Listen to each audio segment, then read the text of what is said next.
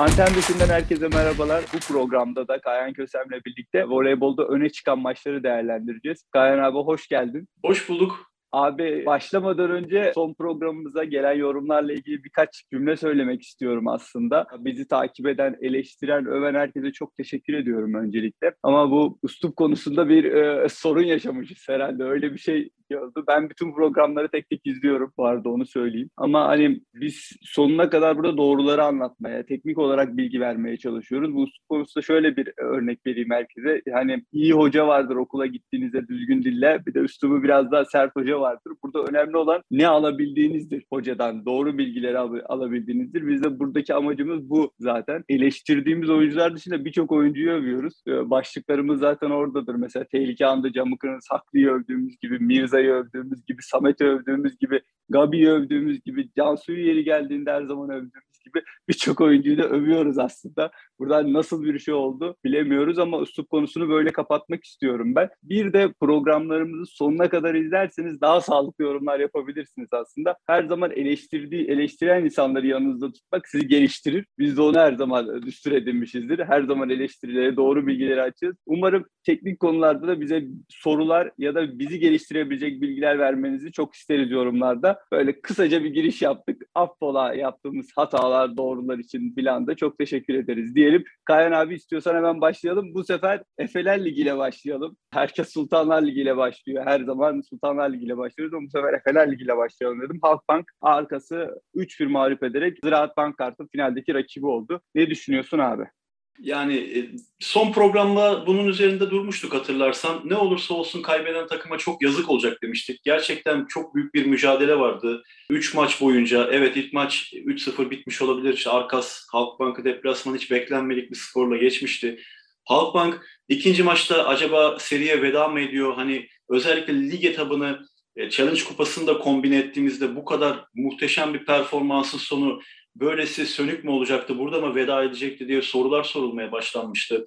E, işte ikinci maçta Selçuk Keskin'in e, rotasyon dışı kalması, Aslan Ekşi ile oynaması, Taner Hoca'nın e, akabinde Fernando Hernandez'in ilk maç sonunda sakatlanıp ikinci maçta yer alamaması bunlar hep Halkbank adına eksi hanesine yazılabilecek faktörlerdendi. Fakat Halkbank biz bir oyuncu ya da birkaç oyuncuya bağlı olarak bu noktalara gelmedik. Biz bir takım olarak bu, bu hüviyete büründük. Evet, bütün voleybol takımlarında olduğu gibi bazı oyuncular daha skorerdir, bazı oyuncular daha defansif anlayışlı oynar e, vesaire şeklinde taktiksel yaklaşımını sahada çok iyi uyguladı. Arkasının bütün hamlelerine iyi cevaplar verip 3-2 kazanmayı başardı. Böylelikle de işte lig etabındaki yüksekte bitirmenin avantajını kullanarak 3. maçı Ankara'ya taşıdı. Ankara'daki 3. maçı ben yani teknik taktikten ziyade artık oyuncuların psikolojileri artı fizik durumlarıyla sahada varını yoğun ortaya koydukları bir mücadele olarak değerlendirmesi gerektiğini düşünüyorum. Yani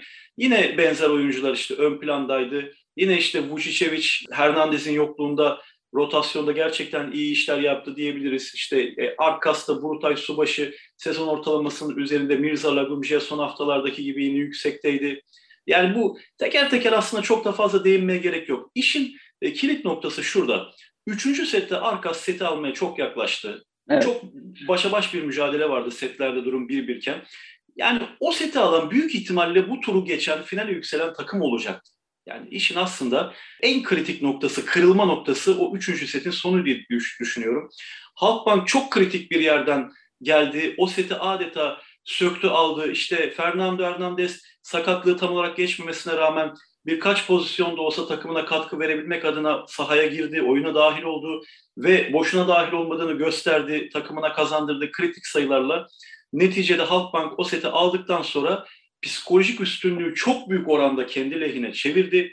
Arkası için de tam tersine bir anlamda bir yıkımın başlangıcı oldu. Setler 2-1'e geldikten sonra öyle bir seti kaybettikten sonra yani o kadar ucuna kadar getirdikten sonra ve dördüncü set gerçekten hani Halkbank'ın o psikolojik üstünlük artı moral motivasyonunun aşırı derecede yükselmesi, buna karşın arkasının tam tersine düştükçe düşmesi zaten bir anda sayı farkını ortaya çıkardı ve sonu başından belli gibi düşünebileceğimiz bir psikolojik mücadelenin sonucu olarak geldi. Sonuçta Arkas e, kazanmış olsaydı Arkas bunu sonuna kadar hak etmişti diyecektik. Kesinlikle. Halkbank kazandı. Halkbank bunu sonuna kadar hak etti.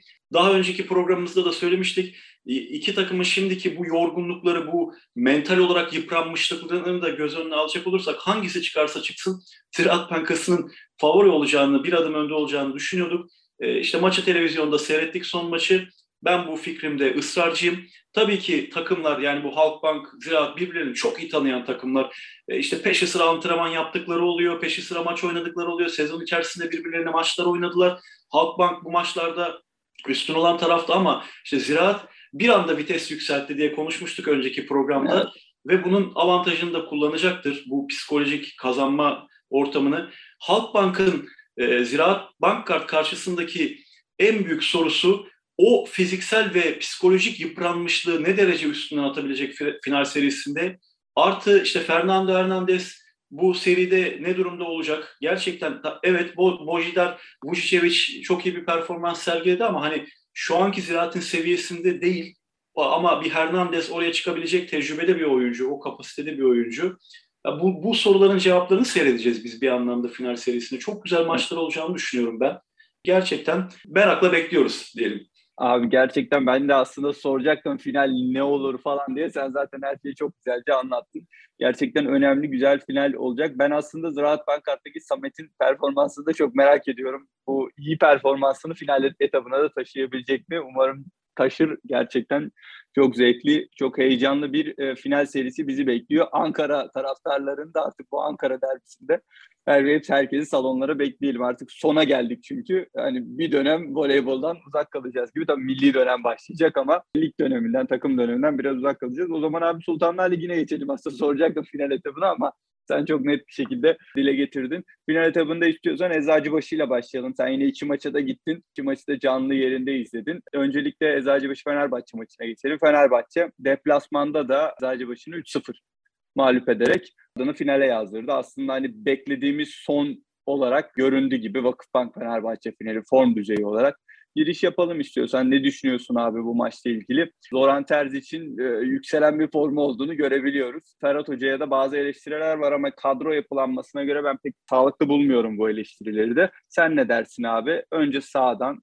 sonrasında da hocalar teknik analiz yapalım. Şimdi giriş itibariyle ben de bir yorumla başlayayım. Teknik analiz haricinde bir yorumla başlayayım. Sevgili voleybol severlere şunu bildirelim. Dün saat 14 öğleden sonra 2 itibariyle Vakıfbank spor salonunda başladı günümüz. İşte oradaki çalışmalarımız vesaire. Öyle bir atmosferde yaklaşık 2000 seyircinin gürültüsü işte ki Vakıfbank'ta bir anons sistemi var. Hani televizyondan izleyenler bunu anlayamaz ama salona gitmiş olanlar ne demek istediğimizi çok iyi anlayacaktır. Arkanızdan yaklaşık 150 desibel bir gürültüyle ya gerçekten çalışmayı zorlaştır. insanın bir anlamda yaşama sevincini yok eden bir gürültü. Ya Vakıfbank yöneticileri lütfen buna bir çare bulsunlar. Gerçekten seyirciyi de rahatsız ediyor bu. Yani seyircinin sesini bastırıyor. Abi Gel o maç işte öyle bir atmosferde bitti. Biter bitmez işte zamanı yettirebilmek adına işte bir yandan maç haberimizi yazdık orada, köşe yazımızı yazdık. Tabii ki o acelede, o hızda, o hengamede bir yandan salonu kapatıyorlar yine. Gidenler bilecektir. Bir an önce kapatalım hadi içeridekiler çıksın diye en son kalıyoruz bir anlamda salonda. Karanlıkta çalışmaya çalışıyoruz. Köşe yazısında hatalar yazmışız. Bazı voleybol severler eleştirmiş. Haklılar. Yerden göğe kadar haklılar ama öyle bir ortam olduğunu söyleyelim. İstanbul ve İstanbul trafiğini bilenler akşam saat 6 6 çeyrek sularında çıktık. Vakıfbank Spor Salonu Üsküdar'da, Eczacıbaşı Spor Salonu Ayaz Ağa'da hani köprü geçiyorsunuz, kıta değiştiriyorsunuz. Dediğim gibi İstanbul'u bilenler için o Abi, trafikte, o yoğunlukta gittik Eczacıbaşı'nda gerçekten yani şu, ve Eczacıbaşı Spor Salonu'nda basın mensupları için adeta bir sabır testi, bir işkence masası kurulmuş. O kadar zor şartlarda çalışıyorsunuz ki anlatamam. Yani daha önceki yıllarda çok daha iyi şartlar vardı. Bunu bir, bir iki sefer yazılarımızda dile getirdik. Maalesef bir şey düzelmediği gibi daha da kötüye gitti. İşte basın odasında hazırlık yapıyorsunuz maç öncesi, çalışma yapıyorsunuz. E, kapı çalıyor, takım burada motivasyon toplantısı yapacak. İki dakika müsaade eder misiniz diyorlar kibar bir dille. Müsaade ediyorsunuz, sizin çalışmanız yarıda, eşyalarınız orada, küçücük bir oda. Takım orada motivasyon yapıyor. Gerçekten çok zor şartlarda çalıştık. Akşam 10 civarında, gece 10 civarında maç bitti. İşte yazımızı toparladık, notlarımızı alıyoruz. Yani bu, bu programı eleştirecek, bizi eleştirecek voleybol severler Önce bunları bir göz önünde bulundursun ondan sonra eleştirsinler. Sonuna kadar saygılıyız. Bütün eleştirileri açığız senin de söylediğin gibi. Maça geçelim. Evet Zoran Terzic gerçekten ikinci yarı boyunca hatta ligin başından beri kendisini eleştiren başta sarı lacivertli taraftarlar inanılmaz eleştiriler var. Bazen salonda yüz yüze duyuyoruz bazen işte ya bir taraftarların yanından geçerken kulağımıza çalınıyor bunlar ama Sırp çalıştırıcı zamanında söyledik yani bir voleybol kurdu dedik. Bunu da eleştiren voleybol severler olmuş. Dediğim gibi saygılıyız ama sonuç ortada. Bakın yani Eczacıbaşı Dynavit ligi daha üst sırada bitirdi.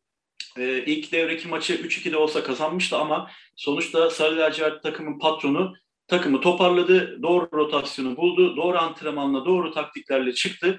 Eczacıbaşı gibi bir rakibi ki bu Eczacıbaşı işte Sev Kupası şampiyon olduk diye alayı valayla geldiler işte programlar yapıldı bilmem ne. Biz onun bu kadar büyük bir başarı olmadığını, gerçek bir test olamayacağını defalarca söyledik. Bundan dolayı da eleştirdik canları sağ olsun voleybol severlerin.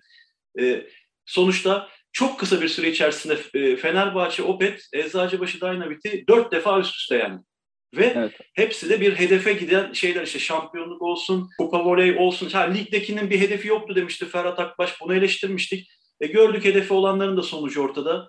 Ferhat Akbaş'a nasıl eleştiriler var? Ben henüz duymadım, görmedim. Olabilir. Sonuçta herkes eleştirilebilir. Doğasıdır, işin gereğidir. Maç nasıl geçti? Aslında Eczacıbaşı müthiş başladı maça. Müthiş evet, başladı. Kesinlikle. Elif Şahin özellikle işte orta oyuncularını çok iyi kullandı. Yani gerek Beyza Arıcı gerek Laura Heyman ama Laura Heyman geçen maçta da düşüktü. Bu maçta da çok düşük başladı. Ya ikinci sette biraz biraz toparladı ama ya gerçekten hani buraya getirilme amacına uygun bir oyun sergiledi mi Belçikalı orta oyuncu? Kesinlikle hayır. Kesinlikle hayır. Yani bloklarda evet gitti elini her topa sokmaya çalıştı. Elinden seken toplarda Eczacıbaşı işte rebound toplarda ikinci hücumları şansını kazandı ama kesinlikle beklenen performans uzaktı. Beyza Arıcı daha hedefe yönelik bir oyun oynadı. Evet vurduğu toplar gerçekten hani üst düzey bir orta oyuncunun vuracağı toplar değildi. Daha plasevari daha böyle sanki eline oturmadı deriz biz böyle parmak uçlarıyla evet. yönlendirdi ama sonuçta bir şekilde sayı olduktan sonra ya, hedefe giden yol mübahtır diye düşünülebilir. Dolayısıyla verimli onu söyleyebiliriz. Aslen maçın başında herkesi şaşırtan isim Mackenzie Adams'tı. Yani Amerikalı smaçör maça öyle bir başladı ki tamam dedik bu hani Tiana Boşkoviç'in rolünü elinden alacak. Bugün takımın lokomotif olacak dedik. Gerçekten ilk sette mükemmele yakın bir performans sergiledi. E, attığı servislerle zaman zaman karşı tarafın manşetini zorladı. Ama hücumda hızlı toplara çok iyi hücumlar yaptı, yüzdeli oynadı. Özellikle işte ilk iki sette Melissa Vargas'ı tekli blokta yakaladığı anlar vardı. Yani gerçekten sanki ya bir Mackenzie Adams değil de e, ne bileyim bir Paolo Egon'u mu yakaladı dedik biz kendi açımızdan. Çünkü eller öyle bir yükseğe çıktı, öyle bir noktada buluşup topu indirdi ki aşağı. Gerçekten müthişti, mükemmeldi. Fakat Adams bu performansını sonuna kadar götüremedi işte. Zaman zaman düştü. Ama yorgunluktan dersiniz, ama motivasyon, ama kapasite sınırından dersiniz. Fenerbahçe Opet gibi bir rakibe karşı geçen programda da söyledik. Sürekli aynı performansla oynamazsanız kazanma şansınız azalır. Sürekli hücum yapayım, sürekli rakibi zorlayacak toplar vurayım, zorlayacak servisler atayım. Bunu yapmamalı demiştik. Bakın Eczacıbaşı Dynamit'in bu maçı kazanabilmesi, seri kazanabilmesi için ilk şart e, rakibinden daha az hata yapması demiştik. Fakat bu maçta da Eczacıbaşı o e, psikolojik tutumunu değiştirmedi.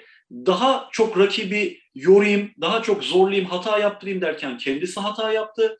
E, kendisi hata yaptıkça Fenerbahçe Opet'e bu önce can suyu oldu. E, akabinde Fenerbahçe Opet'in zaten ritmini bulduğunu söylüyorduk. İşte öyle noktalarda Vargas aslında çok tutuk başladı maça. Maçın genelinde de aslında son haftalardaki performansının biraz gerisindeydi. Ama sonuçta Vargas Vargas'tır. Gereken zamanda gereğini bir iki topta yaptığında zaten takımı da yükseltmiş oluyor. E, ona Melia İsmailoğlu zaman zaman katıldı ki hani hücumda çok büyük bir skor, skor opsiyonu değil biliyoruz. Buna mukabil manşette Gizem Örge inanılmaz hatalar yaptı. İşte out diye top bıraktı, top içeri düştü. Aynı şey İsmailoğlu yaptı aynı topa girmeye kalktılar. Yani aslında Fenerbahçe Opet çok üst düzey oynamadığı bir maçı çok net bir skorla evet, kazandı. Şöyle de diyeceğim Eczacıbaşı aslında iki sette belki de kendi bireysel hatalarıyla kaybetti diyebilirim. Çok iyi oynadıkları. Ya belki bir seti o bireysel hataları dışında alabilseydi maç farklı bir yere gidebilirdi ama hani bu kadar getirip iki set kaybettikten sonra herhalde yine üçüncü sette o tipik Eczacıbaşı durumunu gördük gibi. Hani artık kaybettik Evet, evet. Bazı maçlarda hep bunu yaşadı Eczacıbaşı büyük maçlarda. Biraz daha bırakma şeyi oldu gibi görüyorum ben abi. Belki bir set ya da iki set kazanabilseydi hatta bir set kazanabilseydi çok daha oyun içinde olabilirdi gibi geldi bana. Kesinlikle katılıyorum. Çünkü bu tarz setleri kaybetmek gerçekten yani oyuncunun takımın motivasyonunu inanılmaz düşürüyor. İşte az önce evet. Arkas Halkbank örneği de buna güzel bir örnek. Bakın ikinci sette Eczacıbaşı 14-7'ye getirdi skoru. Yani setin evet. ortası geçilmiş, rakibinizin iki katı sayı üretmişsiniz. Her şey tıkır tıkır yürüyor. Yaklaşık bin taraftar arkanızda zafer şarkıları söylemeye başlamış. Ama yani orada bir, bir iki basit hata, işte ondan sonra Eda Erdem'in servisleri geldi. Yani e, iyi servisler attı kaptan. Çok etkili olmasa da iyi servisler attı. Ama çık çıkarılabilecek, çıkarılması gereken servislerde üst üste iki sayı alındı. Oradan sonra işte Ferhat Hoca oyunu kesti, bir muha aldı. Takım toparlanır. Hayır toparlanmadı. Fenerbahçe her rallide daha da baskı altına aldı rakibini. E, rakip o anda artık yani o 14 7'yi hiç düşünmüyor. Aklına bile gelmiyor. Eyvah bunlar geri döndü. Biz yine bir şekilde kaybediyoruz galiba. Düşüncesine sahip olmaya başlıyor. E, ondan sonra da zaten kaçınılmaz son geliyor. Hele ki işte son topta mesela Boşkoviç'in ters yarma vari diyebileceğimiz bir harekete getirdi onu Elif Şahin. Gerçekten müthiş bir pasla e, Sırp Yıldız bloksuz top vurdu, avuta vurdu mesela. Yani bunlar aslında hep ya psikolojik baskının getirmiş olduğu hatalar. Normalde siz Boşkoviç'e 10 tane öyle top atsanız 9'unu kırıp geçer şeklindeydi. Zaten dünkü maçta buna benzer hücumları birkaç kere yaptı turuncu beyazla ve her seferinde sayıyı aldı. Ama en kritik yerde alması gereken yerde topu avuta vurdu mesela. Yani, yani bir de bir de her zaman söylüyoruz ya abi Vakıfbank Fenerbahçe'ye göre biraz daha düşük bir kadroya sahip e, kalite olarak. Belki de herhalde sonlarda onu yaşıyor gibi Eczacıbaşı. Hani yeni sezonda nasıl bir yapılanma gelir bilemiyoruz, göremedik ama hani belki biraz da oraya mı değinirsin? Sonuçta üçüncülük maçları var yine oynanacak önemli bir maç. Hatta yine Sev Kupası'na gitme ihtimali var Eczacıbaşı'nın. Türk Hava Yolları ile geçen seneki gibi aynı. Belki de onu bir daha kaldıramaz mı kulüp onu bilemiyorum açıkçası. Hani ikinci kez Sev Şampiyonlar Ligi'nden uzak kalmak kulüp için biraz sıkıntı olabilir. Valla e, bu seneki Sev Kupası şampiyonluğunun akabinde olayı bu kadar büyüten, bu kadar abartan, biz bunları daha önce de konuştuk. Şimdi bizi Eczacıbaşılı taraftarlar e, eleştireceklerdir. Canları sağ olsun baştan söyleyeyim ama yani Eczacıbaşı gibi bir kulüp için Sev Kupası şampiyonluğu hedef olmaz, olmamalı. Ha bu olacaksa sezon başında açıklama yapılır. Denir ki yani bizim bu sene bu spora, bu takıma ayırabildiğimiz bütçe budur. Yapabildiğimiz yatırımın karşılığı olarak kendimize biçtiğimiz hedef ligde ilk üçe girip Şampiyonlar Ligi'ne katılabilmek, Sev Kupası'nı kazanabilmek dersiniz. Kazandığınız zaman da üstü açık otobüslerle e, İstanbul turu yaparsınız. 7 tur yaparsınız yani. Abi yani şöyle kesinlikle katılıyorum buna. Bir de zaten şöyle bir durum var. Ülkenin durumu ortada. Hani bu kulüplere de takımlara da niye bu kadar bütçe ayırıyorsunuz diyecek durumda değiliz yani. Yani bu durumda da artık çıktık yani. Hiçbir şey diyemeyiz ama hani biraz daha yapıcı e, bütün kulüplerin net olarak açıklama yapması çok daha sağlıklı olur sezon boyunca aslında. Yani şöyle söyleyelim. Hani dediğim gibi sonuçta bu kadroyu kuranlar kimlerse ya bunun hesabını verecek olanlar da o kişilerdir. Ferhat Akbaş'ta Ferhat Akbaş'tır. E, işte Eczacıbaşı'nda önceden bir menajerlik sistemi vardı oyuncuların transfer aşamasında çok katalizör etkisi yapan, çok büyük bir rol olan bir Nalan Ural gibi yani Türk voleybolunda isim yapmış bir menajer varken ya bu sene öyle bir durumdan bahsedemiyoruz. Daha farklı bir yapılanma var. E şimdi yani dediğim gibi bunun hesabını verecek olanlar bellidir. Herkesin yaptıkları ortada sonuç. Ama dediğim gibi bu yani biz Sev Kupası'nı kazandık. Çok büyük bir başarıdır. Müzemize kupa getirdik. Ya, ligde de işte senin de söylediğin gibi şimdi üçüncülük maçları yapacaklar Türk Hava Yolları'yla. Bir şekilde Türk Hava Yolları'nı geçip de Şampiyonlar Ligi'ne giderse evet biz hedeflerimizi tutturduk. Bizim için bu başarıydı derse zaten bizim için söylenecek bir şey kalmamış demektir. Ama dediğin evet, gibi geçen seneki sonuç tekrarlanır da e, Türk Hava Yolları Şampiyonlar Ligi'ne gider de Eczacıbaşı Dynamit tekrar e, Sev Kupası'na giderse de Ha, bilemiyorum nasıl açıklama yaparlar. Hani hedefimiz şampiyonluk diyebilirler. Gayet mantık, mantıklı bir durum olabilir bu seneki durum baz alındığında. Ha, gel gelelim normal sezonu ikinci sırada bitirmesi turuncu beyazlar adına gerçekten hani şampiyonluk için biz büyük bir adayız. Biz bu takımı bu noktaya getirdik. Biz evet kadro yapısı itibariyle Fenerbahçe, Opet ve Vakıfbank'a göre daha düşük seviyede olabiliriz. Ama sonuçta biz oyun mantalitemiz ve çalışma yoğunluğumuz paralelinde biz onlarla başa baş gidişebilecek, onları didikleyip bir şekilde geçebilecek bir potansiyele sahibiz diye düşünmeye başladılar. E son dört maçta işte Sarı Lacivertlilerle oynadıkları maçta gördük o potansiyeli. Yani kimse kusura bakmasın öyle bir potansiyel yokmuş. Ha gel gelelim Maçın 3. setinde çok enteresan bir durum yaşandı. Televizyonda izleyenler görebildi mi, televizyona yansıdı bilmiyorum. Biz çok net gördük gözümüzün önünde. Ferhat Akbaş bir challenge dediğimiz görüntülü değerlendirme sistemine itiraz hakkını kullanmıştı. Bir itiraz hakkı kalmıştı çünkü kaybetmişti o itirazı. Ve bir pozisyonda Fenerbahçe Opet'in yaptığı hücumda top içeri dışarı düştüğü bir tartışmalı bir durum oldu. E, hakemler top içeride diye sayıyı Fenerbahçe'ye verdiler. Ferhat Hoca yardımcı hakem Mehmet Gül'ün yanına kadar gitti. Yani resmen aralarında 30 santim kalana kadar gitti. Hani kulağına fısıldarcasına yani böyle böyle bu dedi işte içeride dışarıda emin miyiz gibisinden bir şeyler söyledi. O gürültüde tabii ki ne olduğunu duymamız mümkün değil. E, hoca emin olduğunu belirten tarzda bir işaret yaptıktan sonra Ferhat Hoca işi biraz da espriye vurmak, biraz da şakaya vurmak mahiyetinde göstermek için olsa gerek biraz gülümseyerek böyle e, Mehmet Gül'e dedi ki ya siz buna challenge isteyemiyor musunuz dedi. Benim kaç challenge hakkım var dedi önce. Mehmet Gül bir işaretine verdi. Bir challenge hakkınız var dedi. O da dedi ki yani ben değil de siz bunu isteseniz olmuyor mu dedi. Böyle biraz daha sanki şaka yapıyor, espri yapıyor gibi net bir dille reddedildi. Kendi itiraz hakkında kullanamadı. Neden? Ya kendi de emin değil. Hani zaten ya, ya bunu kaybedersek kritik noktada ne yaparız ne ederiz diye. Nereden geldi bu husus? Şuradan geldi. İkinci setin sonunda durum çok kritikken e, Fenerbahçe Opet 7 sayı geriden geldi. Öne geçti işte set sayısı kullandı. Eczacıbaşı tekrar onu yakaladı. Hande Baladı'nın 4 numarada bir hücumu vardı. Ki Hande Baladın ikinci sette mükemmel bir performans sergiledi. Yani maçın genelinde bunu yayabilseydi belki şimdi biz çok farklı şeyler konuşuyor olacaktık. Evet. Ama maalesef Eczacıbaşı'nda takımın en büyük skor opsiyonu, dünyanın gelmiş geçmiş en iyi pasör çaprazlarından Tiana Boşkoviç dahil belli bir standarda tutturamadığı için yani bu sonuç kaçınılmaz oluyor. Çok da iyi oynamayan bir Fenerbahçe Opet karşısında bahsediyoruz. Hani iyi oynasa zaten set skorları farklı olacak. Evet. Gel gelelim Hande Baladın topu dışarı vurdu. E, Fenerbahçe seti kazandı. Setlerde durum 2-0 oldu. O arada Ferhat Akbaş'ın itiraz hakkı kalmamıştı. İki hakkını kaybetmişti. O noktada Erdal Akıncı başhakimi gerçekten mükemmel diye tabir edebileceğimiz bir hakemlik örneği sergiledi. Gerçekten mükemmeldi.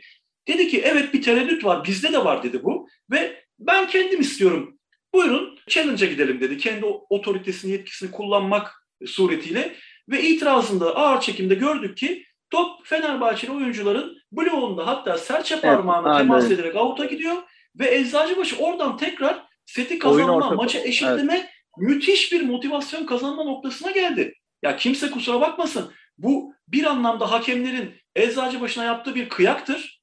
Aslen tabii ki böyle bir amaçları olmadığını biz çok iyi biliyoruz. Tabii ki voleybola hizmet ve voleybolun daha da güzelleşmesi adına yapılmış, bakın üstüne basarak söylüyorum, mükemmel bir hakemlik uygulamasıdır.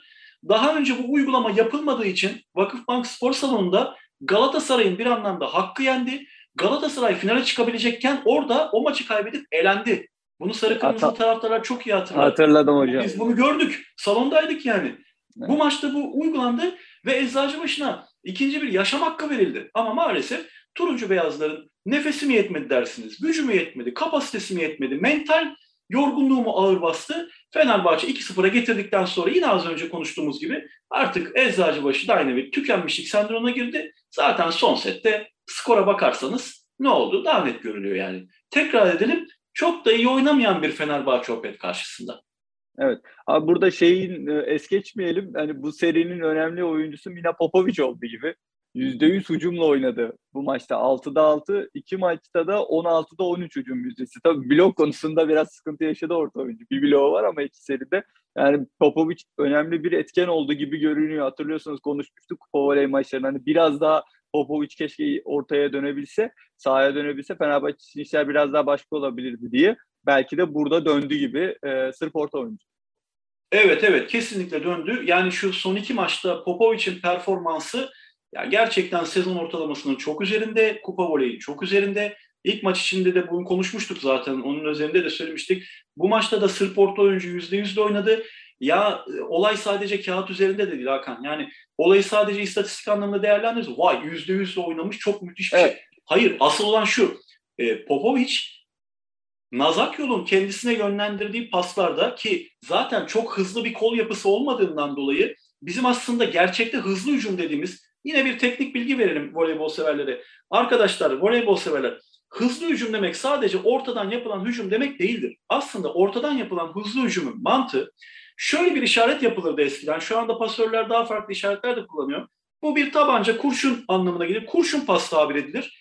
Pasörle orta oyuncunun arasının e, bir, bir buçuk metreden daha fazla açıldığı, zaman zaman böyle 4-5 metreye kadar açıldığı bir noktada topun pasörün mümkünse sıçrayarak file üst kenar seviyesinden yaklaşık bir karış, bir buçuk karış yukarısında tamamıyla yere paralel bir pası adeta uçurarak orta oyuncunun eline e, ateş etmesi anlamına gelir.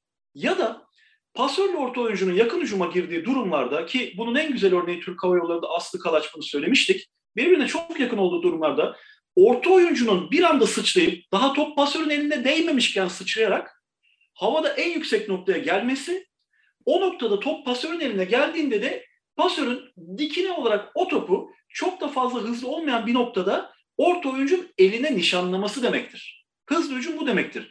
Yani bu hücumda top çıkabileceği en yüksek noktaya çıkmadan orta oyuncu tarafından hücuma yönlendirilip vurulur aşağı. Ha, biz kendi ligimizde bunu pek göremiyoruz. Dediğim gibi Aslı Kalaç bunun istisnai örneklerinden. Şimdi Mina Popovic'in böyle bir tarzı, böyle bir kol hızı yok. Mina Popovic pasörün elinden ortaya yönlenmiş topa belli bir yükseklikte yakalıyor ki müthiş bir sıçrama yeteneğinin, sıçrama kapasitesinin olduğunu söyleyelim e, Sırp milli oyuncunun. O noktada karşı taraftaki bloğun yanından bir şekilde işte 5'e ee, doğru, 1'e doğru dönmek suretiyle boş noktayı hedefliyor. E, bu hücumda zaman zaman işte defansa yakalandığı oluyor, çok döndüğünde dışarı vurduğu pozisyonlar oluyor ve biz sezonun genelinde bunu görüp bunu eleştirdik. Voleybol severler de bunu eleştirdi. Ama bu maçta gerçekten Popovic yükseldi, en yüksek noktada topla buluştu, karşısındaki bloğu gördü, yanından dönüp defans yapılmayan noktaya doğru hani böyle çok çok sert, çok çok etkili değil ama olması gereken hücumuyla sayıya gitmesini bildi bu yönüyle takdire şayan ve bu yönüyle çok iyi bir performans oyununu söyleyelim. Olay sadece istatistik kağıdında yazandan ibaret değil. Abi hiç, hiç ekleyebileceğim bir şey var mı maçla ilgili? Herhalde her şeyi konuştuk gibi. Ha, şunu da sorayım şimdi Terzic'i biraz övdük. Ee, şey olabilir. Terzic e, biraz zorunluluktan mı acaba sence bu formasyona döndü? Yoksa aslında kötü gidişi, manşet sıkıntısını o da görebiliyordu. Tabii ki de bizden daha iyi görebiliyordu her zaman Zoran Terzic. Sırbistan milli takımıyla kazandıkları kulüp kariyerindeki başarılar, milli takım başarıları ortada zaten. Hangi biraz şansa mı oldu yoksa bunu görebiliyor muydu? Anna Lazareva'nın sakatlığı biraz etkili mi oldu? Şimdi bunu söylemek gerçekten çok güç. Yani bu evet. ilk başlarda biz bunu e, hani bu rotasyona gitmeye mecbur kaldı diye ilk günlerden itibaren konuşuyoruz bunu. Bu Zoran Terzic'in şansı kendi o günlerde şanssızlığı olarak değerlendirmiş olabilir. Yani böyle de bir şey olabilir. Ya tüh ne hale geldik hani biz bu oyuncu getirdik ama her şey çok daha iyi gitti. Şimdi bunu gidip sorsanız yok kardeşim ben zaten böyle bir şey, rotasyon planlıyordum.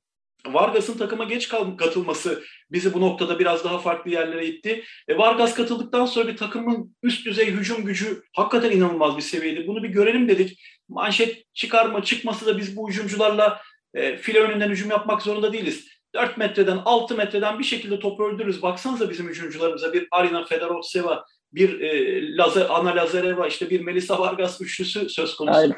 Bunu düşünmüş olabilir. Dediğim gibi bunların hiçbirini biz Sırp çalıştırıcının kendi ağzından duymadık, bir yerde okumadık. Ama sonuca bakacak olursak sonuç gerçekten olumludur ve Terz için doğruyu yaptığını söylememiz lazım. Yani bundan öte konuşulacak bir şey yok. Yani Ha gel gelelim. Sonuçta mesela bazı voleybol severler özellikle işte benim voleybol dışında da bizim bizlerin hayatı var. Voleybol severler hani sadece biz maçlara gidiyoruz işte yazı yazıyoruz, program yapıyoruz. Ya böyle bir şey yok. Bizim bir hayatımızı kazandığımız farklı alanlar var. Sevgili voleybol severler. Biz bu işi sadece sevdiğimiz için yapıyoruz. Burada ya, maddi bir beklentimiz yok. Bunu söylemek belki çok ayıp bir şey ama bunun tersini düşünen voleybol severler olduğunu duyuyorum ben. Gerçekten üzülüyorum. Yani bu iş bir gönül işidir.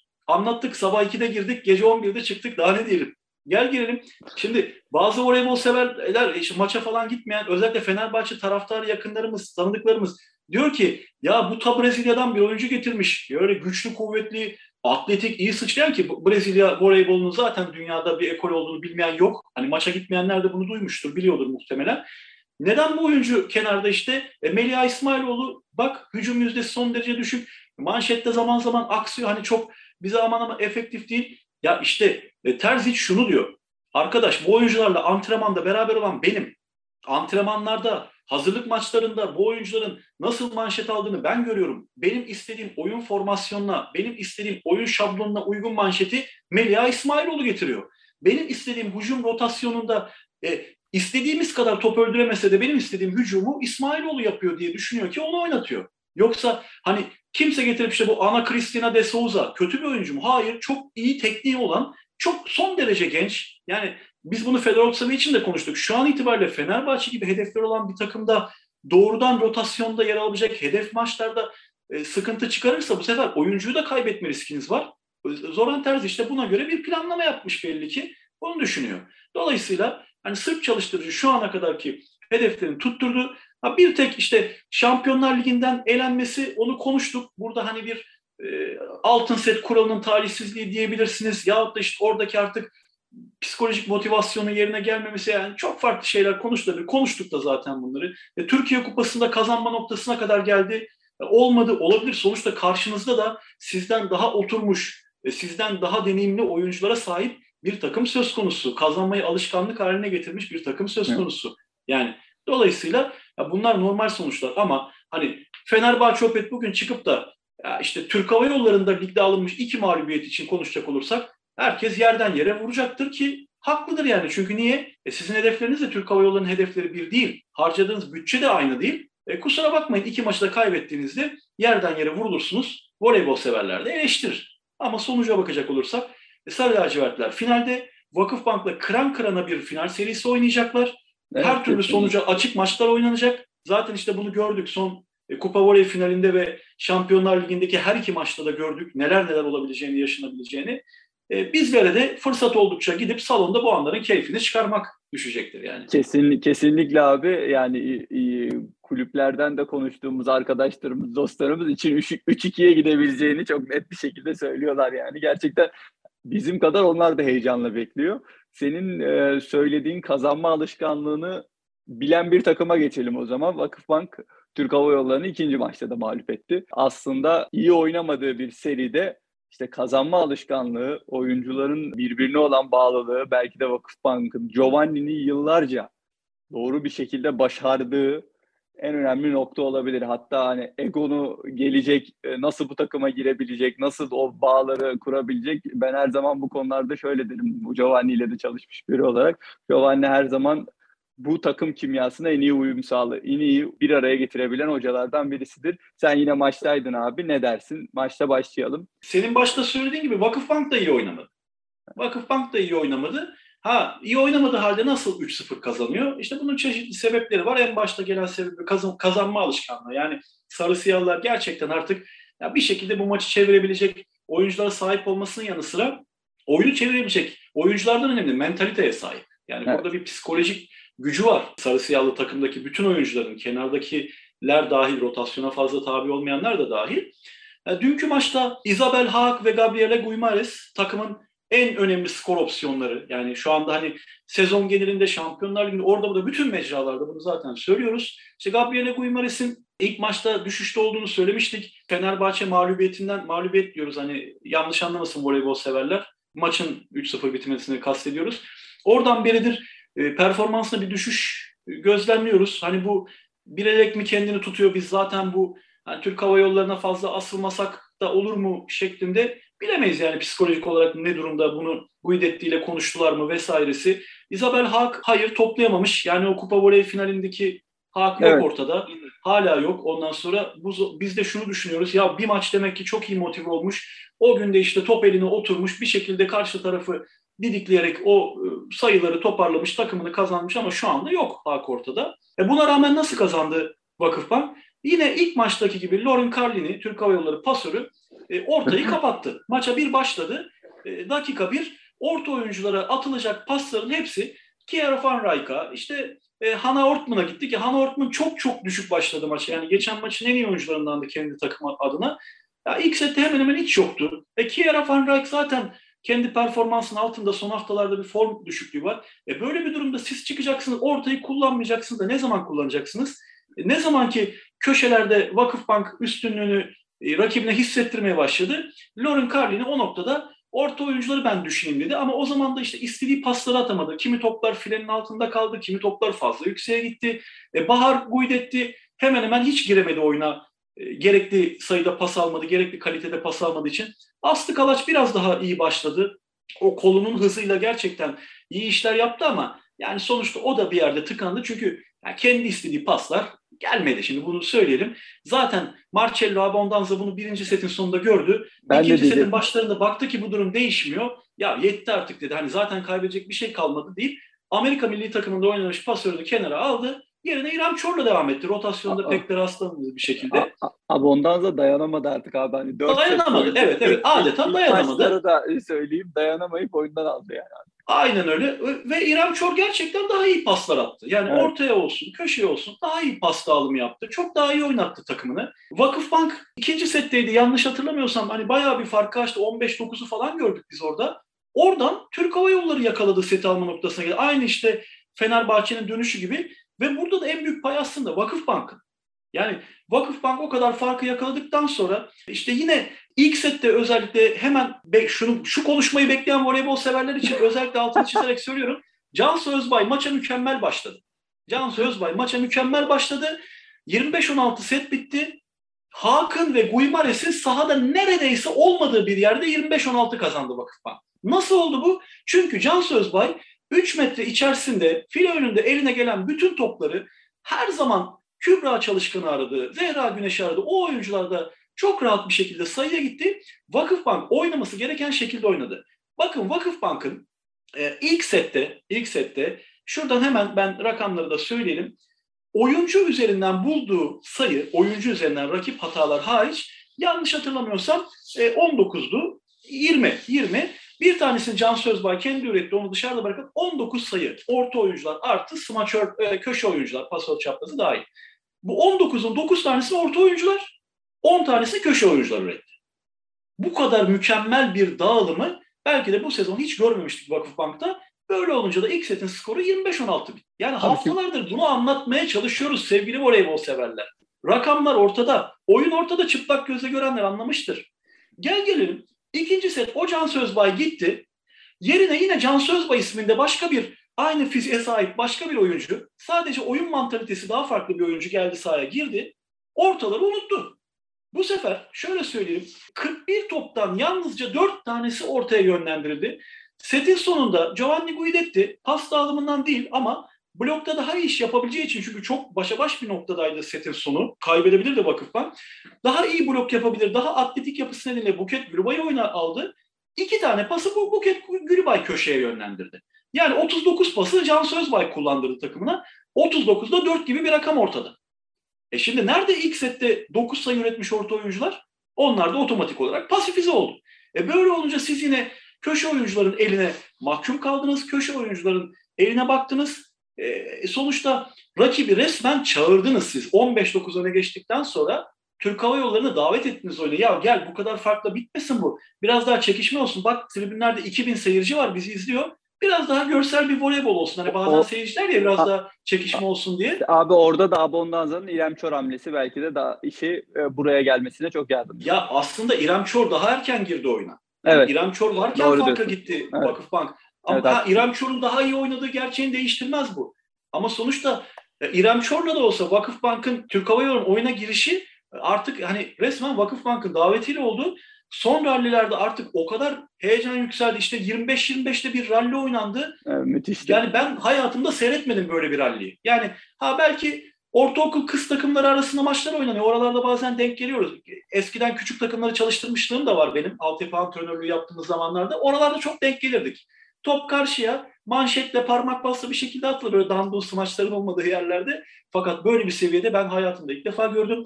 Ölçtük, biçtik. Tam bir dakika sürdü. Belki 59 saniye, belki 61 saniye ama bir dakika sürdü. Yani belki bu dünyada da yayınlanacaktır. Voleybol severler uluslararası mecraları içeren sosyal medya sitelerinde göreceklerdir. Muhteşemdi. Top bir oraya gitti, bir buraya geldi. İnanılmaz sesler yükseldi. Hatta şöyle söyleyeyim. E, Türk Hava Yolları'nda pasların çoğunun gittiği Kiara Van Rijk bir ara yani nefes nefese kaldı. Biz düşüp bayılacak mı dedik artık tansiyonu fırladı. Çünkü o yorgunluğa gerçekten hiçbir can, hiçbir antrenman dayanmaz. Zaten Öyle abi, bir noktada... rally bittikten sonra herkes kendini bir yere attı. Evet evet kendini bir yere attı çünkü yani normalde voleybol voleybol alaktik anaerob diye tabir ettiğimiz yani antrenman biliminde böyle bir spor olarak geçer. Ne demek istiyoruz? Voleybolda çok yüksek efor ve güç gerektiren anlar yani rallilerin belli bölümleri mesela bir köşe oyuncusunun koşarak smaç vurması, bir orta oyuncunun köşeye giderek bloğa çıkması bunlar işte çabuk kuvvet artı patlayıcı kuvveti gerektirse de bunlar yaklaşık 8-10 saniyede hadi bilemedin 15-20 saniyede sonlandığında vücutta çok fazla laktik asit biriktirmeyen ve bu biriken laktik asidi ki laktik asidin yorgunluğa sebebiyet verdiğini birçok voleybol sever, spor sever biliyordur. Bunun da bir sonraki ralli başlangıcına kadar çabucak sıfırlandığını, sıfır noktasına yaklaştığını biliyoruz. Ama bir dakikalık bir ralli artık anaerobdan aerob noktasına geçmiş oldu ve gerçekten yani izleyenler çok keyif verdiyse de e, voley, e, içi, sahadaki voleybol severlerin, şey, özür dilerim oyuncuların tamamı neredeyse düşüp bayılma noktasına geldi. Ha bir şey söyleyelim. İkinci sette Vakıfbank'ı kazanmasını sağlayan en önemli faktör ki maçın kazanılmasına en önemli faktör. Az önce orta oyuncular söyledik ama ikinci sette orta oyuncular yoktu. Üçüncü sette orta oyuncular yoktu. Çünkü Can Sözbay onları bir anlamda unuttu. Giovanni Guidetti ikinci sette özellikle 3-4 kez arka arka uyardı Can Sözbay'ı sert bir şekilde uyardı tam gözümüzün önünde. Çünkü olmayacak pasları Haak'a zorladı. Haak o topları öldüremedi. İşte Vakıfbank dedi ki davet etti. İşte bunların sonucunda zaten Türk Hava Yolları daveti geri çevirmedi. Van Rijk'ın işte o anlardaki performansı, servisteki etkinliği, smart servisi. O arada Hannah Ortman moral motivasyon kazandı. İlk sette hiç yoktu sahada. Servis de atamamıştı. İkinci sette o da etkili servisler attı. Etkili hücumlar yaptı. E, skor bir anda kafa kafaya geldi. Ama o noktada hiç beklenmedik. Belki de beklendik geçen maçtan sonra. Bir unsur çıktı ortaya. Ne dedik? Tehlike anında camı kırınız. Michel Baş Hakli dedi ki bu takımın geri kalanı bu sete alamayacak gibi görünüyor. Artık benim sahne sıram geldi dedi. O tecrübesiyle arkada olduğu anlarda geri çizgiye o kadar mükemmel konumlandı ki gelen bütün hücumları sağına soluna gelen hücumları çok iyi sırf iyi yer tuttu ve müthiş bir hani manşet kol defans koordinasyonu olduğundan dolayı çıkarttı. Sadece çıkartmakla kalmadı. O topları Can Sözbay'ın kafasına neredeyse hedefledi. Yani o kadar iyi defans yaptı. E, bloktan seken topları topladı. Yetmedi. Bir pozisyonda blok arkasına kısa plasa geleceğini sezerek o 9 metreden koşup gelip 3 metrenin içerisindeki topa erken dublaj yaparcasına o topu da çıkarttı. Ön tarafa geldiğinde çizgilerin birleştiği Türk Hava Yolları'nın defansta boş bıraktığı noktalara mükemmel hücumlarla sayıya gitti. Yani Amerikalı smaçör gerçekten ikinci setin kazanılmasında baş aktördü ve tam gereken yerde sahne aldı. Oradan sonra zaten üçüncü sette de bıraktığı yerden devam ederek maçın kazanılmasına en büyük pay sahibi oldu. İstatistik kağıdına bakan voleybol severler ya bu rakamlarla nasıl oldu diye düşünmesin. Bakın ilk sette şunu düşündü haklı belki de. Ya ben şu kiloyla şu yaşında bu takım zaten böyle oynarken orta oyuncular geleni gideni sayı çevirirken zaten çok da fazla yorma şeye gerek yok. Ama işte o ikinci setin en kritik yerinde ha işte bana ihtiyaç var dedi. Yani bir emniyet valfi gibiydi. Şu anda benim devreye girmem lazım dedi. Otomatik olarak devreye giren bir emniyet subabı gibi devreye girdi. Az önce anlattığımız şekilde seti getiren oyuncuların başında geliyordu. Gerçekten takdir edilmesi gereken bir Yani oyuncu. şöyle Giovanni için belki de bu sezonun en önemli yani sahada olmasını en çok rahatlatacak. Tabii ki de Gabi de çok değerli bir oyuncu ama Michel gerçekten hani Giovanni'nin e, tamam şimdi Michel bir şekilde oyuna dahil olur dediği bir oyuncu görüntüsü gelecek sezon olmayacak gibi duruyor. Henüz bilmiyoruz ama öyle bir durum var. E, belki de seneye Michel'i çok arayacak gibi Giovanni eğer giderse. Kesinlikle, kesinlikle arayacak. Bakın yani şöyle söyleyeyim. Şimdi Gabriela Guimares zaman zaman müthiş çıkıp yukarıdan müthiş hücumlar yapıyor. İşte takımına maçı kazandırıyor ama işte son iki maçtaki durumu ortada. Ha, Gabriela Guimares bazen durunca hak çıkıyor işte kupa voley bunun bir örneği. O çıkıp maçı söküyor. Yani bunları bir şekilde kompanse edebiliyorsunuz. Ama Michel Barş Hakli gibi kombine bir oyuncuyu kompanse etmek kolay değil. Bakın yani manşette mükemmel yer tutup kollarını topa mükemmel birleştiren bir tecrübe, e, defansta duracağı yeri takımda en iyi bilen bir oyuncu, o defansı en iyi şekilde yapan bir oyuncu. Ya hücumda böyle e, filenin üzerine çıkıp böyle hani göğsüne yahut da işte karnına kadar sıçrayıp tepeden aşağı dandum vuran değil ama hani kafasının üstüyle kolunu kaldırıp vurması gereken yere çok sert olmasa da kolunu sakatlayacak seviyeye getirmeden de belli yerlere böyle vuran, ha tabii ki zaman zaman bloğa yakalanıyor, hata yaptığı oluyor sonuçta bütün voleybolcular. Ama işte gereken yerde sorumluluk alıp o sorumluluğun gereğini belki de yüzde yüzle yerine getirebilecek oyuncu bulmanız kolay değil. Bunun için temel teknik becerisi gerekir. Bunun için fizik kapasite gerekir. Bunun için e, yeterli seviyede, yeterli düzeyde antrenman yapmış olmak gerekir. En önemlisi de o tecrübeye sahip olup onu hem psikolojik anlamda hem oyun zekası anlamında sahaya yansıtabilmek gerekir. Bunun antrenmanı yok. Tekniğin, evet, taktiğin antrenmanı var ama bunun antrenmanı yok. Bu biraz oyuncunun içinden gelir. Dolayısıyla eğer önümüzdeki sezon Hakli takımda olmayacaksa e, Vakıfbank kendisini çok arayacaktır diye düşünüyorum ben. Yani Amerika'da zaten herhalde e, yılın smaçörü seçildi abi. Ne kadar e, başarılı olduğunu görebiliyoruz Amerika gibi bir ülkede smaçör seçilmesi de çok önemli bir başarıydı abi. Finali bir değerlendirelim kısaca istiyorsan. Biraz e, bu maçı da geçtikten sonra bir finali değerlendirelim. Bence yine e, her maçın e, her maçı zevkle izleyeceğimiz bir seri olacak gibi duruyor. Evet, evet kesinlikle katılıyorum. Ee, çok çekişmeli, çok zevkli maçlar bizi bekliyor. Voleybol severleri bekliyor. Ee, salonların tıklım tıklım olacağını tahmin ediyorum ben. Gerek Vakıfbank gerek Burhan Felek Vestel olsun. Ee, şimdi artık takımlar... Kayan abi kusura bakma bu az önce yine Kübra Çalışkan dedin. Oraya kısaca ben şey yapayım. Kayan abinin bunu demesinin nedeni hani insanların özel hayatını biz bilemiyoruz. Yani burada hiçbir oyuncunun da özel hayatını konuşmayız. Ee, esame listesinde ve lisans kaydında öyle olduğu için bu yüzden böyle demek zorunda hissediyoruz kendimizi. Onu yani öyle biliyoruz, bilmiyoruz devamını. Konuyu bilmediğimiz için hani orada biraz yazanlar olmuş yorumlarda tabii ki de haklısınız ama biz bilmiyoruz bu konuları. Sadece onu söyleyeyim dedim. Şimdi Hakan'cığım görünürse gösterelim. Şu anda Vakıfbank Spor Kulübü'nün resmi istatistik kağıdı sevgili voleybol severler. Kameraya ben yaklaştırayım bilmiyorum okunuyor mu şu an? Evet abi gördü şu anda gördü. Hani sevgili voleybol severler biz bizim oyuncuların özel hayatıyla bir işimiz yok. Zaten şurada 15. bölümü çekiyoruz. Hani bunu zaten 14 bölümde anlamış olduğunuzu tahmin ediyoruz. Ya bu oyuncular ne zaman evlendi, ne zaman boşandı yahut da soyadını sevmediği için gitti nüfus idaresinde soyadını değiştirdi. Yani e, Hakan'ın söylediği gibi biz bunları takip edemeyiz. Buna yetişmemiz mümkün değil. Zaten işimiz bu da değil. Biz Türkiye Voleybol Federasyonu'nun resmi sitesinde takımların kendi istatistik listesinde, esami listesinde nasıl geçiyorsa biz bu şekilde değerlendirmek durumundayız. Yani lütfen bunu e, hani bu şekilde düşünün. Yoksa geri kalan yani kaldı ki oyuncu hani e, soyadı değişikliğini gerektiren bir durum yaşamış olabilir. Dediğim gibi hiçbirimizi ilgilendirmez. Ama gidip de ilgili nüfus idaresinde kimlik kartını, pasaportunu değiştirip bu da yetmez. Bu değişiklikleri Türkiye Voleybol Federasyonu'na kulübü aracılığıyla bildirip oradaki sistemdeki değişikliği işletmediği sürece bizim e, bunu kullanmaktan başka şansımız yok. Ne diyoruz abi? Aynen bitirelim abi bunu. Hani orada bir şey dedi yine aynı şey gelmesin diye. Devam edelim abi. Evet dediğimiz gibi yani şöyle her iki salonda tıklım tıklım dolacaktır. İşte bu takımlar birbiriyle çok sayıda maç oynadı. E, çok güncel maçlar oynadılar. İşte Şampiyonlar Ligi e, yarı finali olsun, Kupa Voley finali olsun. İşte ligdeki maçlar var. Birebir galibiyetler orada eşit görünüyor. Artık birbirlerini tanıyacakları, birbirini düşünecekleri bir şey yok. Yani işte Can Sözbay hangi topu ortaya atar, hangi topu Hakan nasıl atar, hangi topu Hakkı'yı kullanır. İşte Naz e, Akyol hangi topta işte Mina Popovic'i kullanır, hangi topta Eda Erdem'i iki numaraya tek ayağa gönderir, işte Vargas'ı nereden getirir vesaire. Yani ya bu, bunları artık pek konuşacaklarını tahmin etmiyorlar. Tahmin etmiyorum ben antrenmanlarda olsun yahut da işte video e, çalışmalarında olsun, video antrenmanlarında olsun. Artık kendi oyunlarını maksimize etmeye, sahaya en fazlasını yansıtmaya yönelik antrenmanları yapacaklardır. Karşı taraf ne yaparsa yapsın biz kendi kapasitemizi, kendi oyunumuzu sahaya yansıtalım. Biz bunu yaptığımız takdirde zaten biz kazanını olacağız bu maçın mantalitesiyle oynayacaklardır. Dolayısıyla e, erkekler için söylediğim şey burada kadınlar için de söylüyorum.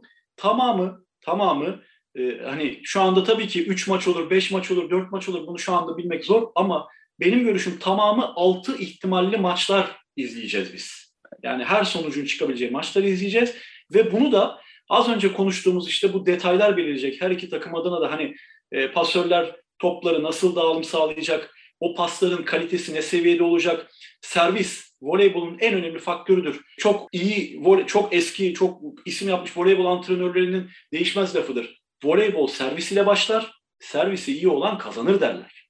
Dolayısıyla hani hangi takım daha iyi servis atacak, o günkü ritmini nasıl tutturacak vesaire. Ee, Aslında ikisi taraftar... de iyi servis eden takımlar abi baktığımız zaman. Evet evet ama işte biliyorsun Şampiyonlar Ligi'nde bir, evet. bir maçta biri bir maçta Düşüyor, hani evet. şey olabiliyor. Kupa voleyde değişiyor vesaire. Evet. O günkü faktörlere de bağlı oluyor. Ha bu noktada şöyle söyleyelim. Taraftar bakımından ben Fenerbahçe Opet'in daha şanslı olduğunu düşünüyorum. Çünkü daha organize. Sonuçta hani bir futbolu bir basketbolu da olduğu için çok daha organize, çok daha taraftar kültürü geniş ve eski bir takım söz konusu. Kaldı ki işte Burhan Felek'te gelecek 5000 belki 5500 Sarı lacivert taraftar 500 belki 1000 tane Vakıf Banklı taraftar gelecek ama Vakıf Bank taraftarının takımın çok itici gücü olacak bir voleybol kültürü henüz yok. O kadar geçmişi yok çünkü. Ee, Vakıf Bank salonunda da yine tam tersi işte 2000-2500 sarı siyahlı taraftar olurken de belki 500 civarında da sarı lacivertli olacak ama işte dün mesela bir örnek verelim. Eczacıbaşı Spor Salonu bilenler e, bilecektir. Zaten son derece sınırlı kapasitesi, son derece küçük bir salon.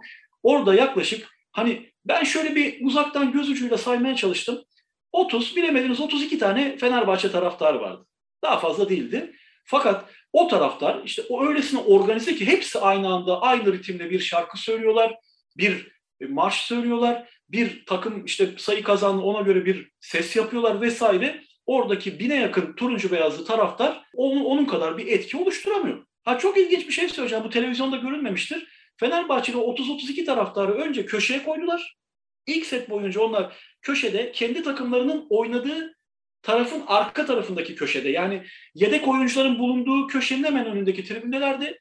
İkinci set olunca tabii oraya Eczacıbaşılı yedek oyuncular geçeceğinden Sarı lacivertler taraftarlarla arasında belki yarım metre bir metre bir mesafe olmasın diye set arasında aldılar. O Sarı lacivert taraftarları daha ortaya yakın bir yere turuncu beyazlı taraftarları buraya set arasında bir tribün değişikliği oldu. Çok rastladığımız bir durum değildir. Güzel de oldu, hoş da oldu. Yani hoşumuza gitti. Takımlar değişince o taraftarlar da değişti. Evet evet çok bence güzel de oldu. Yani hoşumuza gitti ama dediğim gibi işin özünde Vakıf Bank'a göre Fenerbahçe'nin çok çok büyük bir avantajı var. Taraftar baz alındığında, itici güç anlamında. Evet. Ama onun haricinde yani oyuncu kalibresi, oyuncu yapısı, oyuncu çapı vesaire olarak yani takımlar birbirine çok denk güçler. E, hücum anlamında evet Fenerbahçe Opet biraz daha etkili, biraz daha güçlü bunu biliyoruz.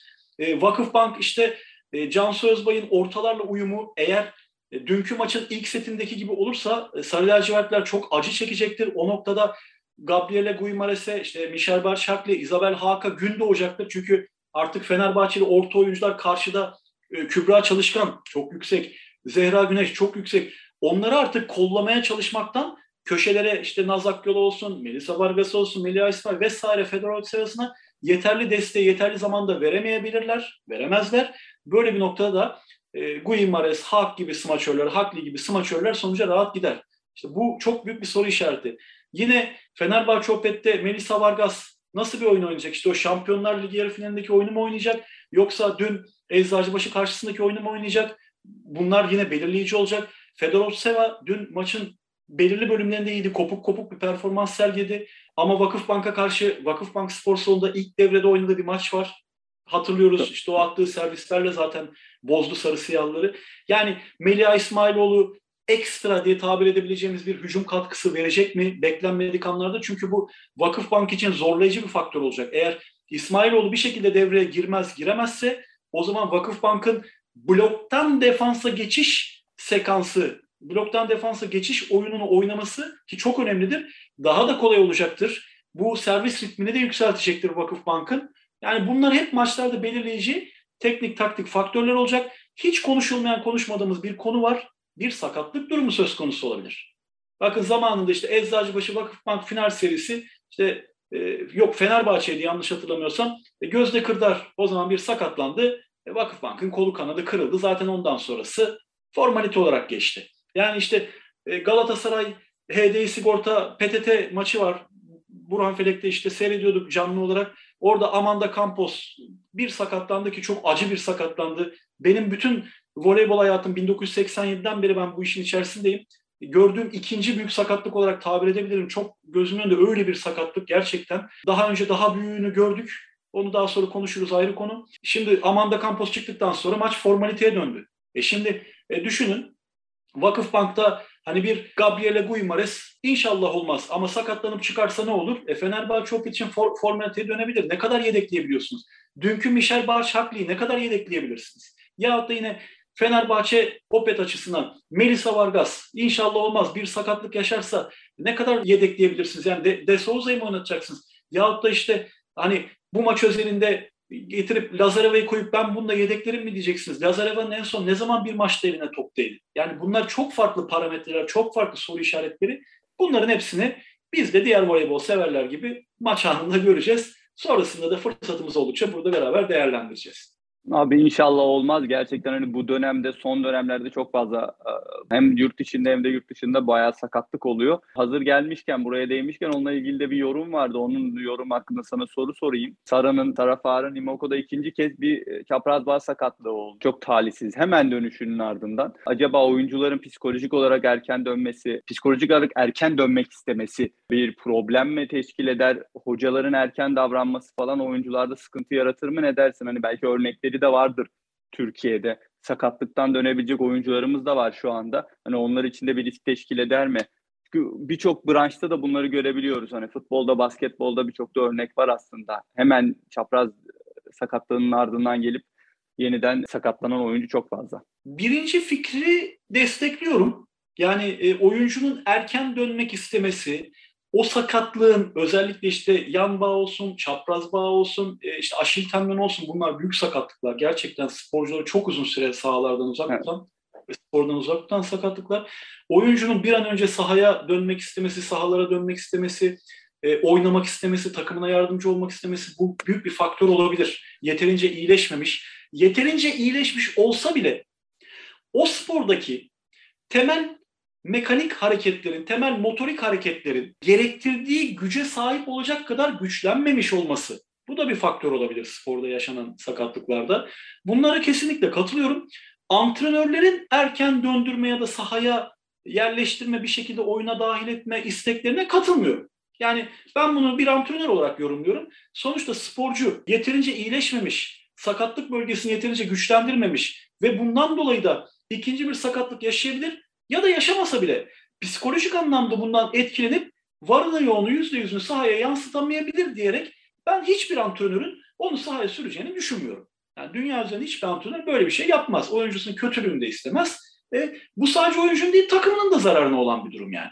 Evet. Yani düşünsenize orada oyuncunun bir anda yere yığılması kalması bunu daha önce gördük. İşte Ceylan Arısan bizim şu an yurt dışında oynayan oyuncularımızdan fizik kapasitesi çok yüksek bir orta oyuncu olmasına rağmen iki kez üst üste sakatlandı o da yani. Evet. yani dediğim gibi bunun sebeplerini yani doktorlarla birlikte işte takım fizyoterapistleri ve oyuncunun kendisi değerlendirecektir. Bir insanın sadece bir sporcunun değil, bir insanın en iyi doktoru kendisidir. Yani bunu tıp tıp e, insanları da söylüyor yani. Gerçekten kimse vücudunu kendisinden iyi kimse tanıyamaz yani. Evet. Dolayısıyla Sara Far'ın da yaşadığı bu sakatlıkla ilgili yeterince iyileşmemesi söz konusu olabilir. Yeterince iyileşmiş olmasına rağmen hani doktorlar evet artık iyileşti biz bunu taburcu ediyoruz antrenmana çıkabilir ama hani yapacağı antrenmandaki seviyeyi kendisi belirlemelidir. Mesela bakın biz şimdi antrenör eğitimlerinde bunu yıllar önce aldık. Şimdi de işte zaman zaman genç antrenörlere de anlatıyoruz yeni başlayanlara. Özellikle stretching diye tabir edilen açma germe hareketleri, maç öncesi, antrenman öncesi ısınmalar. Yine bu sakatlığın en temel sebeplerinden biridir. Yanlış ısınmalar sonucu yapılan sakatlıklar. Orada hep şöyle bir cümle geçer. Denir ki açma germe yani stretching'i etkileyen, seviyesini, düzeyini belirleyen en önemli etken sporcunun kendi açma germe derecesidir. Yani bir sporcu evet. bacaklarını açarken 180 derece açıp jimnastikçiler gibi yere oturur. Bir tanesi 120 dereceden fazla zorladığınız anda e, kasıklarında yırtılma meydana gelebilir. Evet. Dediğim gibi yani sporcu bunu en iyi bilecektir. Dolayısıyla ben Sara Far'ın özelinde hani sporcunun kendisine sahaya erken dönme arzusuyla tekrar bu sakatlığı yaşadığını düşünüyorum. Umarım hani bir daha böyle büyük sakatlıklar olmadığı, finalde dahil olmak üzere keyifli e, sporcuların her zaman sporun içinde kaldığı, spor yapmaya devam ettiği. Çünkü sakatlık çok kötü bir şey gerçekten. Hani bir sporcunun evet, evet. hayatını etkileyen en önemli maddeler, en önemli etkenlerden birisi. Onun için inşallah kazasız belasız e, finaller izlemiş oluruz. Abi çok teşekkürler. Bugün biraz uzun yayın oldu. Teknik anlamda yorumlarınızı, tüm yorumlarınızı, tüm eleştirilerinizi her zaman açığız. Hiçbir zaman çekinmeden bunları cevaplamaya da hazırız. Salonlarda da bizi gördüğünüzde de soru sorabilirsiniz. Hani bir arada olduğumuzda, Buran Felek'te falan diğer salonlarda hiçbir sıkıntı yok. Görüşmek dileğiyle voleybol dolu günler dileyelim. Hoşçakalın.